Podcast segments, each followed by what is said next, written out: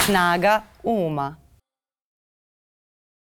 Dobar dan, dragi ljudi, dobrodošli u podcast Snaga Uma. Ja sam Miljana, mi ovde iz ponedeljka u ponedeljak nastojimo da razgovaramo, e, da jedni od drugih učimo, a kako je krenula ova nova godina, znam da će mnogi od vas imati e, te neke odluke i želje, e, pre svega prema sebi. Mnogi će želeti da budu profesionalni i bolji u svom poslu, možda da napreduju.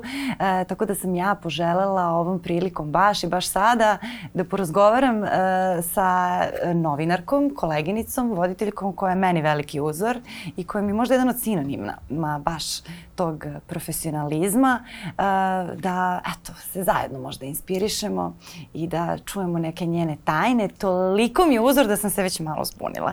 Maja Žeželj, Majo, dobro mi došli. E, pre svega hvala ti na svim ovim divnim i lepim rečima.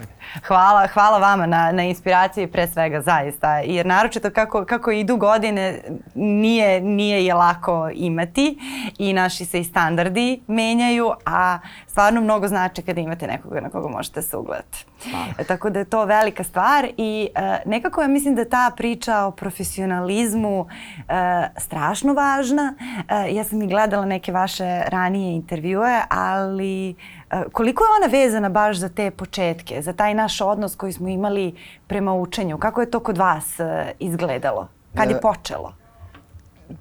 Pa, mislim, što se tiče ovog mog konkretno posla, uh, ja sam to negde imala u glavi od malena. Uh -huh. I ja uopšte ne znam, nisam ja to svesno i jasno zidala sve, to je tako dolazilo. Ja jedino što sam imala, imala sam tu neku ideju na kraju da je to ono što ja hoću.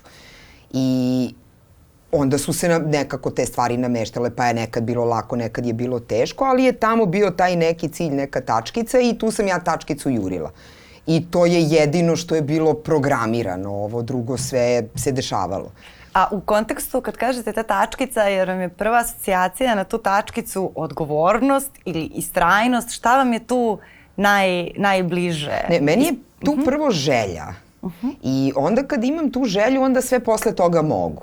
I, i, i, i to se posle vidi u nekim drugim stvarima u životu, mislim i kad deca rode i, i kad oni nisu tu, mislim kad, kad ni, ni pre dece je bilo vezano za vežbe, vezano za životinje, pošto sam ja strašno ono, okružena tim životinjima i celog života imam neke tako uh, životinjice moje i, ovaj, i kad ima te želje, onda je sve drugo lako onda ti nekako nije teško ni da ne spavaš, nije ti teško da radiš po ne znam 10-12 sati, nije ti teško da čitaš a kad ti se ne čita. Sve što je namoranje i sve što je što je neko drugi odlučio umesto tebe, tebe negde, mislim bar mene, ja ne znam, uh -huh. možda neki drugi ljudi imaju tu disciplinu da kad im neko postavi neki zadatak, oni ga urade bez obzira.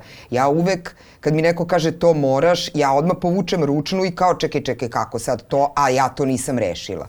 Da. I, ove, i, I onda je to negde više. Mislim, meni je želja ta koja, koja, koja me vodi, koja me vuče. I onda mi je lako. Pa moguće da je svima, jer čak i ti ljudi kojima neko drugi postavi, oni opet imaju želju da tog nekoga ne razočaraju ili da ispune očekivanja, ali opet je to taj neki motor, zapravo ta primarna želja. A kako ste je vi prepoznali? Ne, ne znam.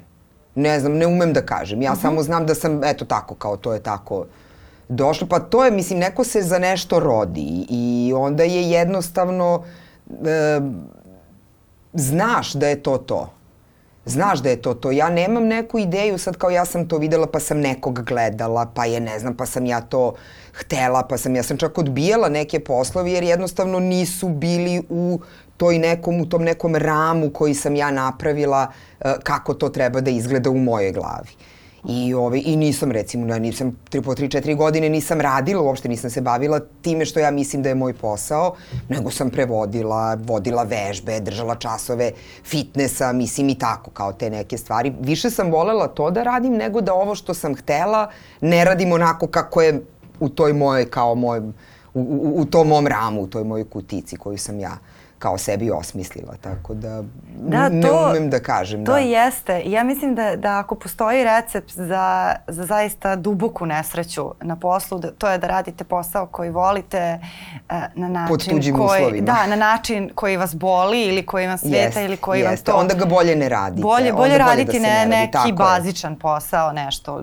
To ja sam uvek govorila, prije ću uvek biti, ne znam, zaposliću se kao konobarica u kafiću, služit ću ljudima kafu, ti će ljudi biti srećni što su dobili kafu i neću imati Moja taj... će kafa biti dobra. Tako. To potrudit ću se, pa ne može da ne može da bude baš mnogo loša, sad imaju te aparate, mislim, male su šanse stvarno.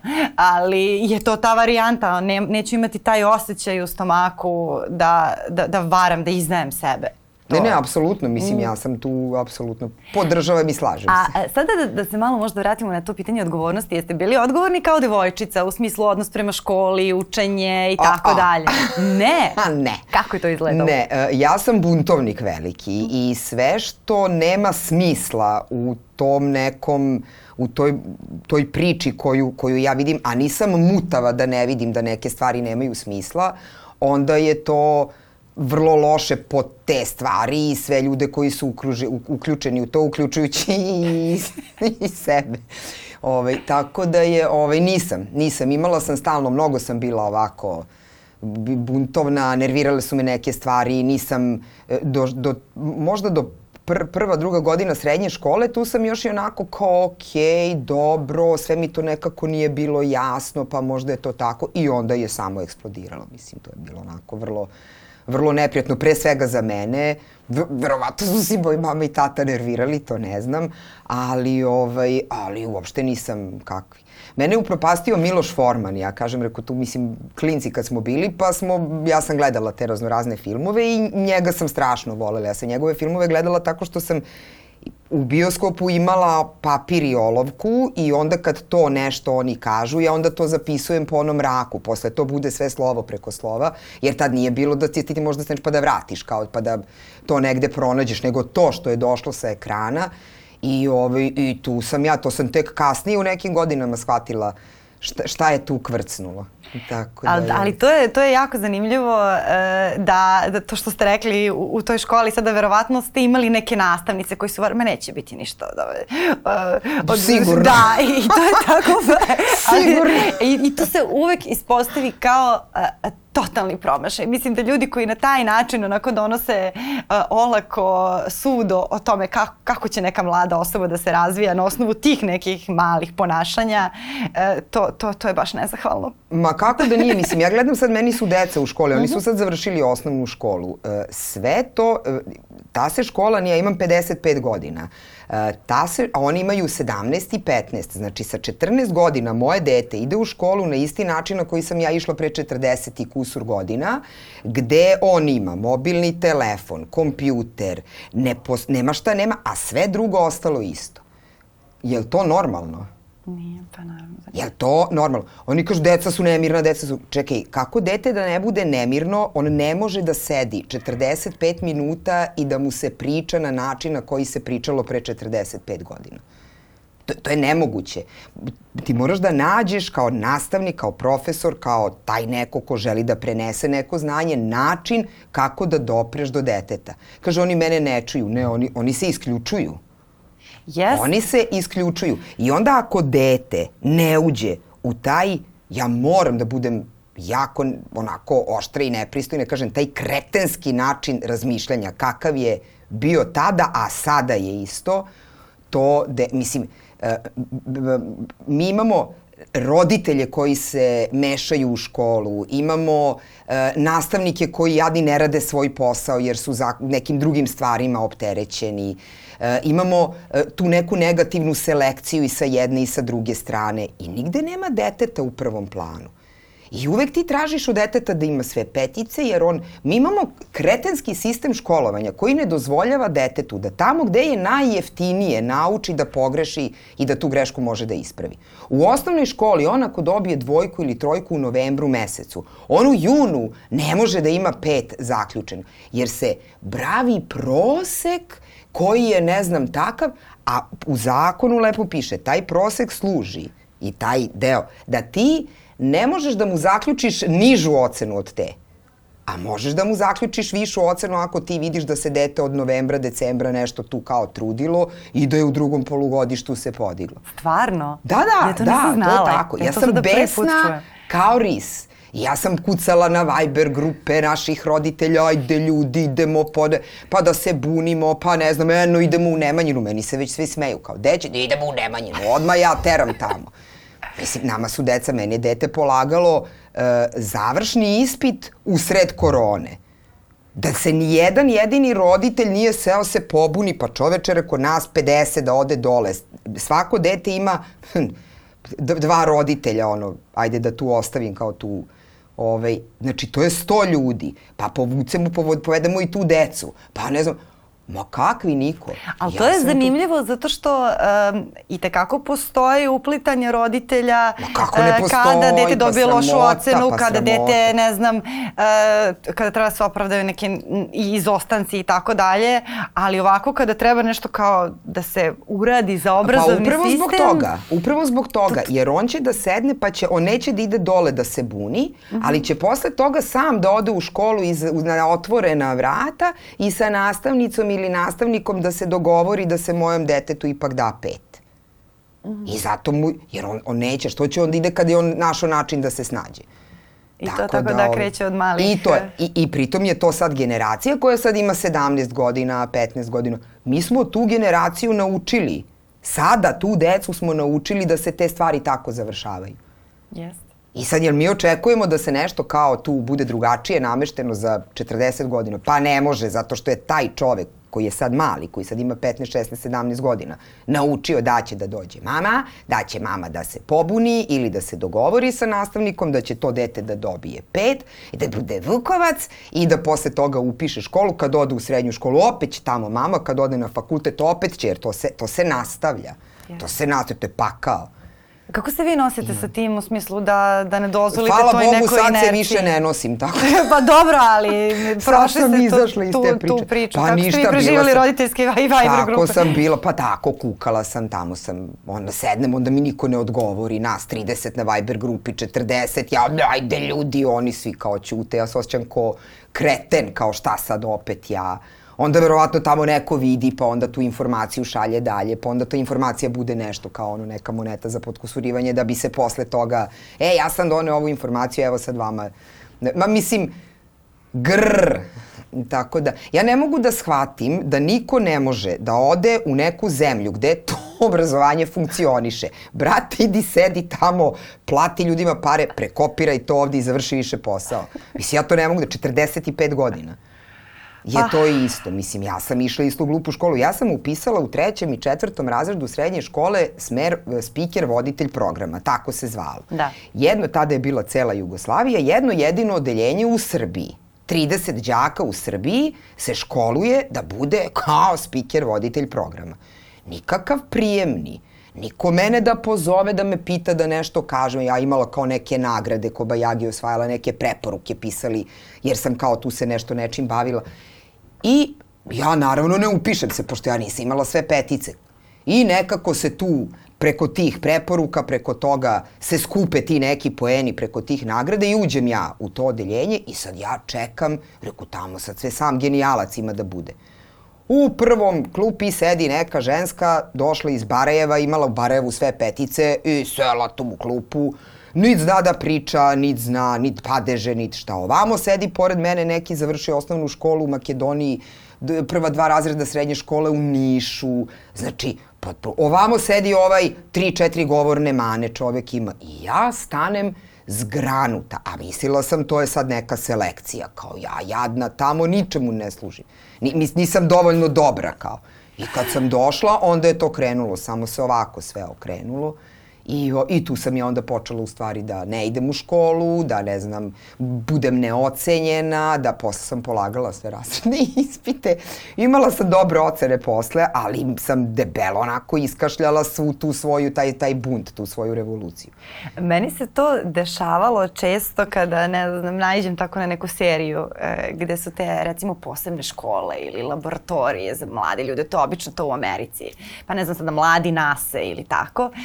I sada vidiš da je to neka grupa uh, gde je ogromna količina zaista genijalnih ljudi i da, da, da su tu mladi ljudi tendenciozno stavljeni upravo kako bi im se ego slomio, kako bi imali potrebu da se takmiče na jedan zdrav način i kako bi razvili to jedno veliko strahopoštovanje, da li prema nauci, da li prema veštini, da li prema nekom drugom znanju, novinarstvu, čemu god. I koliko to u stvari tužno kada kada, Ta kada bude u stvari negativna. Da, jer vi ste u stvari očekivali gomilu nekih ljudi koji da, će koji biti bolji time, od vas je, i kao sad ću ja da rastem. Jer ja nisam bila dovoljno dobra da tu se upišem za Boga. I to je, to je možda problem, možda čak i veći problem našeg obrazovnog sistema, jer je to ta, to guranje u ostrednje, u to, to neko osrednje. I, I drugo, tu Ti nema ljudi bi možda bili rada. genijalni u nekoj drugoj školi. Apsolutno, da. apsolutno. Drugo, tu nema timskog rada. Ja gledam sad recimo klinci su ovni bili, Lena mm. i mhm. Maki, i oni su sad e, od početka su učeni da se ko je bolji u odeljenju čekaj, zašto ti moraš da budeš super iz srpskog, iz matematike, iz fizike, iz hemije, iz biologije? Zar nije logično da oni jedan bude dobar u ovome, pa da ovome pomogne da bude bolji u ovome, da ne bude to tako, to, to, to je takva jedna onako e, neprijatno, takmičenja, takmičenja, to, to nisu uopšte priče neke koje su pozitivne za decu. Jer mi smo na kraju počeli da imamo otpor prema tim stvarima.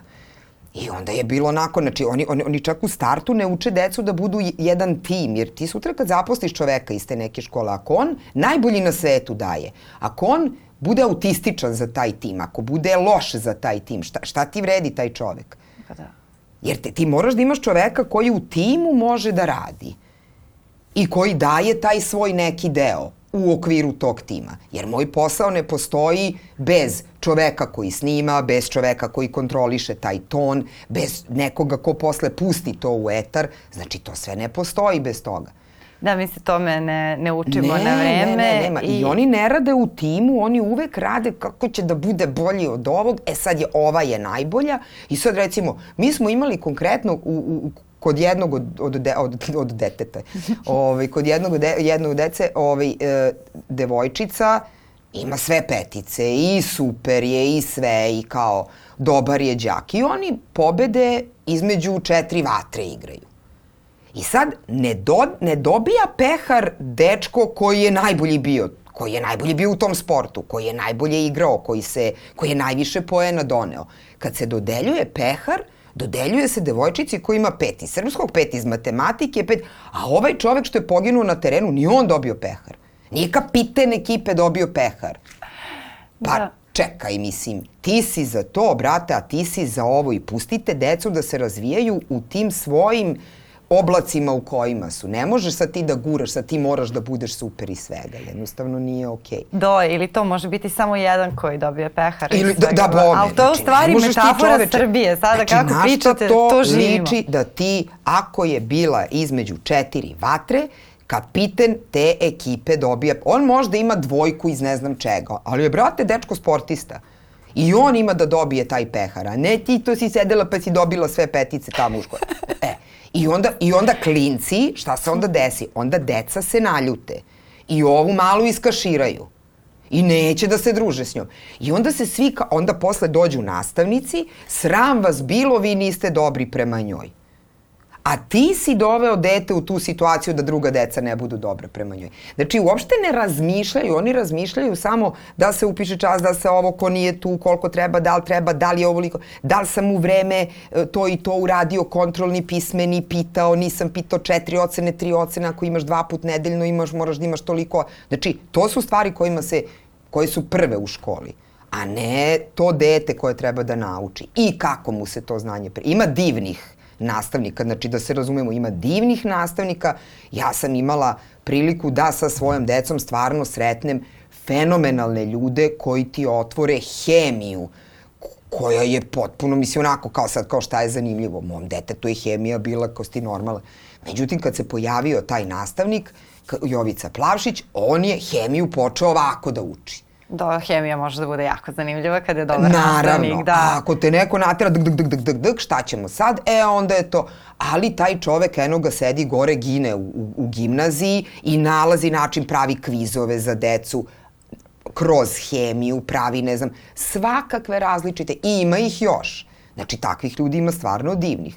Ali opet je to sve nekako mora da bude u tim nekim kockicama i to je problem. A dobro, to je verovatno vrlo slično kao i sa medijima. Sa svim, ima, sa ima svim, divnih da. novinara, ali da li su nam mediji dobri, znamo. Mislim, Pa, kakvi su, mislim, i- takavi, i isto, to tako je isto i sa isto. prosvetnim I sistemom. Ima isto. divnih e, nastavnika i profesora, ali, ali kako taj sistem funkcioniše, Jer kako to je te neka... ljude koji su super, kako njih izvući na površinu, a ne utopiti ih u taj, ajde da kaže čovek, mislim, kao mediokritet, mislim, nije to mediokritet ono u smislu pogrdnom nekom, nego tom osrednjem, znači pravo značenje te reči, nije to sad kao nekoga pa sad ti nekog vređaš, nego jednostavno mi, mi strašno volimo da imamo taj neki osrednji deo i svi tu plivamo. I sad ako si ti ovde dobar, pljas nazad, ili ne možeš da ideš gore, ili mislim šta god.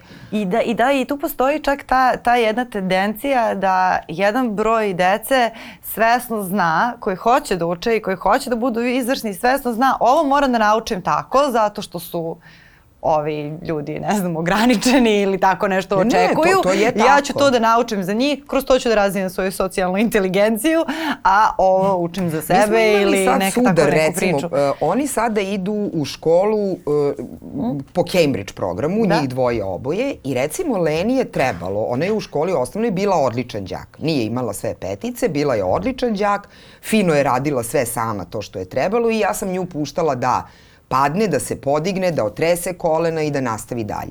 Mi smo sada došli u sistem, krenuli su ti neki testovi, Da. kao, kao kontrolni, mislim nisu kontrolni, ovaj, e, i ti shvatiš da ovo, zašto je ona dobila peticu kod nas u školi, gde je bila kao super i sve, ovde nosi dva poena. I ona prođe taj test, ali je to ovde. I onda kaže, kako pisa test? Pa kako pisa test kada ga ne učiš da misli? Da, da. Znači, naravno. I šta je? Njoj je trebalo, mislim, mi smo morali da, trebalo je jedno šest meseci i ponavljanje tih testova da bi ona shvatila da to se zove prepoznavanje, zašto mi dobijamo divne ocene i petice i učimo na pamet i sve super. Kada dođe taj test koji treba da se upotrebi to znanje, oni ga urade na nivou prepoznavanja, dobije dva poena. Ako ukrsti dve informacije, dobije 4 5. Ako iz te dve informacije napravi zaključak, dobije 6, 7, 8 poena. E, to je razlika. E zašto ti njega kaže, Maki, ajde donesi istoriju da učimo, donesi knjigu, svesku i atlas. Šta će mi kaže atlas? Pa kako rekao, šta će ti atlas, otkud ti znaš gde je i taj Rim i ta Grčka, mislim i sve. Moramo na atlasu da vidimo kako se ko gde kreće. I to je to. Da. Jer mi smo imali globus, pa atlas, to je trajalo letnji dan do podne. Meni Lena kaže, kaže, ali ja mnogo brže učim, kad je, pa ja rekao, mnogo brže učiš, ali je to pitanje da li ćeš znati gde se šta nalazi. Ja šta sam ti tako vredi da... paralelno da... učila istoriju umetnosti, sociologiju, istoriju, geografiju. Jer to je Da. tako, to je jedna celina i ti iz te celine faktički. Ja sam bila mali psiho. Dobro, nema veze. Prošlo bi pisa test, dobro.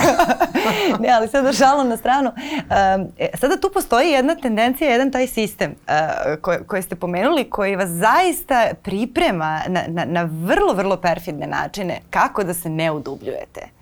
Kako da, s jedne strane, možda se promoviše ambicija, ta neka potreba za napredovanjem, ali se ne razvija neka zaista lojalnost prema određenoj profesiji ili znanju ili nečemu i to ne udubljuj se, bitno sam ja direktor kao što je sada jedan neki, neki funkcioner rekao kada su ga našli sa, sa lažnom diplomom, rekao je neću da dam ostavku, bitno je da sam ja direktor. To je na tom nivou. Zato što bitno se da tako sam ja... prave šrafovi. A kako ste vi uh, to uh, jednostavno primenili na drugi način? Jer ste vi kroz svoju karijeru zaista uvek bili uh, posvećeni svim tim nežnim i finim uh, detaljima i onome što čini jednu profesionalnost, a ne tom samo, samo da ja sada ove godine pređem lestvicu, lestvicu više, pa šta god to Pa značilo. zato što sam ja imala svoje lestvice. Uh -huh. Ja Mhm. nisam prihvatala, ne, ni ne prihvatam ni dan danas. Znači ja nemam te lestvice kao koje mi se, odnosno letvice kao koje mi se e, kako se zove, e, stavljaju i onda jednostavno to ostane ja nju preskočim i to je to. Mislim, znači ja nekako sama se sa sobom uvek. Ja nikad nisam bila ni ono kao neki timski sport, uvek sam neki sport koji ja se sa sobom takmičim, kao ja sad sebi nešto dokazujem, ja sad sebi nešto podižem, energiju, ne znam, di, ovu kondiciju i sve ostalo. Znači, potpuno mi onako. Ali to je, to je, pitanje, to je tip čoveka, mislim. Ja mislim da, da to nema veze sa vaspitanjem, sa to, to kako si se rodio i to je to. Neko se rodio da bude u timu, neko se rodio da ne bude u timu i ćao. Ali to, to se često dešava i to vidim e, i, i kod, kod mladih ljudi kada dolaze u redakciju, verovatno vidite i, i vi, e, da kao da, ja sam to isto imala kad sam to bila e, strašno mlada novinarka, kao voliš taj neki posao i ti sada misliš da je najbolji način, e, da je napredovanje jedini simptom toga da radim nešto dobro. E, I u stvari kao da, kao da te sistem e, odguruje od toga da se zaista posvetiš nečemu. I mislim da je to možda jedna velika zamka e, ovaj, koju, mla, koju mladi ljudi nisu svesni. To kao zadrži se, sad si dobio taj zadatak, zadrži se na njemu dok skroz time ne ovladaš i, i, i dok do te mere ti to ne bude savršeno da možda se zapitaš da li ja želim nešto, nešto više. I meni ste vi tu baš onako jako velika inspiracija, jako dobar primer za, za, za to. Krenula Pa primer ovca. za to, pa ne, ne, baš dobar, jako dobar primer za to da ne mora, da ne mora tako, jer onda u stvari ide se iz anksioznosti u anksioznost. Ne znam, ako sam ja dobila da radim reportaže na ulici i nisam ni time ovladala kako treba, znači čuvek mi u live-u kao radi čuka malo, ali ja sada guram da dobijem studio. Pa dobijem studio na neku foru jer sam nekog zeznula. Pa onda guram da dobijem ne znam nija šta uredničko mesto, a ne znam, mislim da saberem tri plate, kamoli plate za sto ljudi. Ne, tu čovek mora da odredi šta hoće. Znači tu čovek mora da odredi šta hoće, da vidi sam otprilike gde je, čime je zadovoljan i u okviru toga da pliva. Mislim, u okviru samog sebe, svojih želja, sposobnosti, mogućnosti. Znači, ne mogu ja sad da kažem hoću ja da vozim avion, a nešto mi baš i ne ide. A, a toga ima. Mislim, ljudi se prihvataju nekog posla za koji nisu samo zato što je kao ovo bilo zanimljivo. A to opet dolazi iz ove priče čekaj polako, mislim, gde si ti u celoj toj priči. I ja sam imala, mislim, ja zato kažem, reko, taj mene Forman upropastio, on je meni napravio tako neko način razmišljanja koji, a, da ja toga nisam bila svesna, da taj jedan čovek koga on izvuče, jer to je bilo, mislim, u svim njegovim filmovima taj jedan lik koji uvek ide nešto kao pa se buni, okreće priča, ne znam, drugačije, ovako, onako, na neke svoje načine i uvek nadrlja, što je najgore od svega uvek nadrljenog. Ona je poginuo kad je otišao u Vjetnam, ovog su uradili mu elektrošokove, mislim, ono, isprali mu mozak, znači, ovaj čovek je umro, ne, ne, potpuno, nikad taj jedan, ne, ali ja to glupača nisam, nisam taj kraj nikako, ne mogu zapamtim, znači, to me, to me, ovaj, e sad se sam uzdam u neku zdravu pamet, kao pa da ću pre tog kraja da se ono negde sklonim na vreme, ali ovaj, mislim, posle sam ja to shvatila, a, ali to je opet pitanje, mislim, ja kažem, to, ti se, prvo se takav rodiš, pa onda živiš u porodici, tebi porodica mora da ostavi zapis u tebi, znači ne postoji način da sad, tako se ja bar nadam, mislim, ono, jer moji su roditelji meni ostavili zapis, mislim, ja sad znam zašto stvari radim tako kako radim, upravo zbog toga što su mi oni tako uh, pričali i govorili. Mi smo imali kad smo bili klinci svakog 25. maja za Titov rođendan, ajde piši sastav. Mali oži iz Kumravca, pa je ovo, pa je ono. Ja kažem, reko, ajde da pi, kaže, eno ti enciklopedija tamo, izvuci sve. I su, ja, moji zastavi su bili, rodio se tad i tad, tu i tu, ništa. Nikakva tu ljubav, ništa tu se nije. Ja reko, jao, što smo mi kao neka naopaka porodica, mislim. Kaže, šta se desilo sa Jožom? da, danas se smemo od mog brata, bratovljeve sveske kad je bio prvi razred. I sad pitanje, brate, šta se, oni su čitali priču Joža je ukrao korito. Joža je Josip Broz Tito. Da, ukrao da. je korito, spustio se niz neko brdo i polupo to korito i vratio se kući. I sad kaže, šta se desilo sa Jožom? Kaže, Joža kad se vratio kući dobio je batine. to je razbio korito.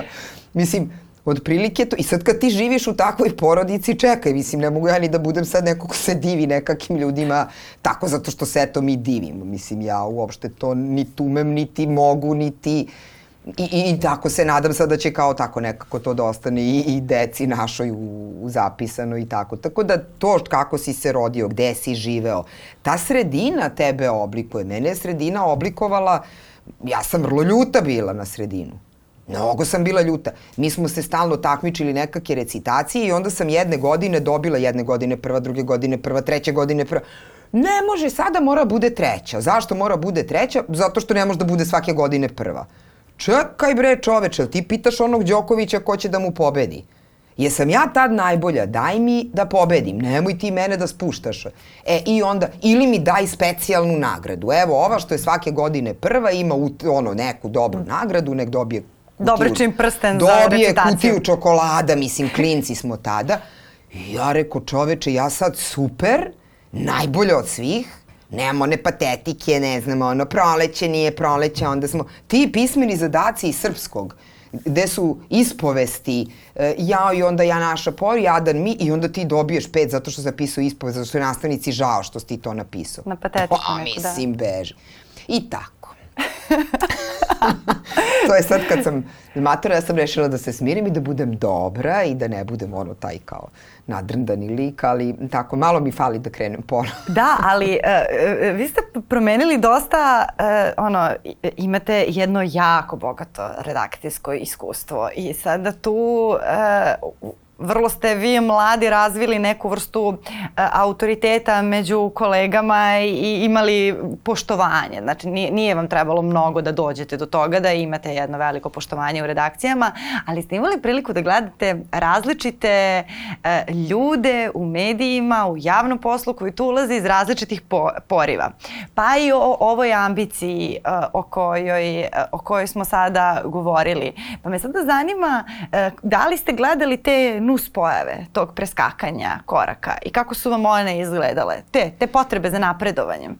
I te potrebe za napredovanje i te potrebe, mislim, to nije ni pitanje potreba za napredovanje. On čovek stvarno i napreduje, ali kad dođe dotle... Jesu ti ljudi neko... srećni kad tako zeznu? Pa oni, ja pretpostavljam da oni jesu srećni jer su oni svoje to nešto zadovoljili. Mm -hmm. Ali njihov odnos prema drugim ljudima, znači ja sam videla čoveka koji je fenomenalan ovako bio i super i sve i onda se desilo to, preskakanje, ne znam, i čovek se samo ovako okrene. Ja, ja sam šokirana bila da uopšte neko može da ima nekoliko godina jedan način razmišljanja, razgovora, nastupa, ophođenja, mi tu sve super. I onda se desi ta jedna mala stvarčica koja tu osobu, bilo muško, bilo žensko, totalno ne, i to se nije desilo jednom, to se desilo više puta.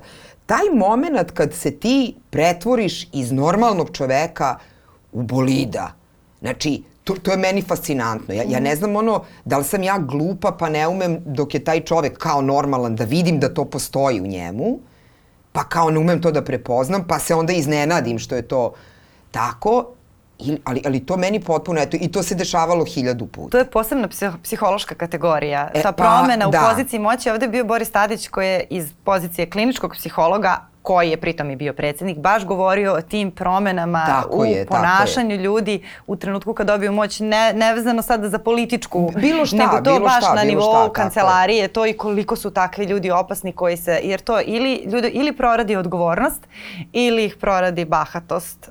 Ne, to su to, uglavnom to je, to je, dve... recimo, to su te različite, znači ništa se nije sad nešto specijalno promenilo, ja sam išla preko toga, mislim, ja sam bila vrlo neprijatna prema tim ljudima, tako da nikad nisam ni bila ono, jao, super, ili se vratim, čoveče, sa mnom si od početka, nema me folirati na svoje mesto i to je to.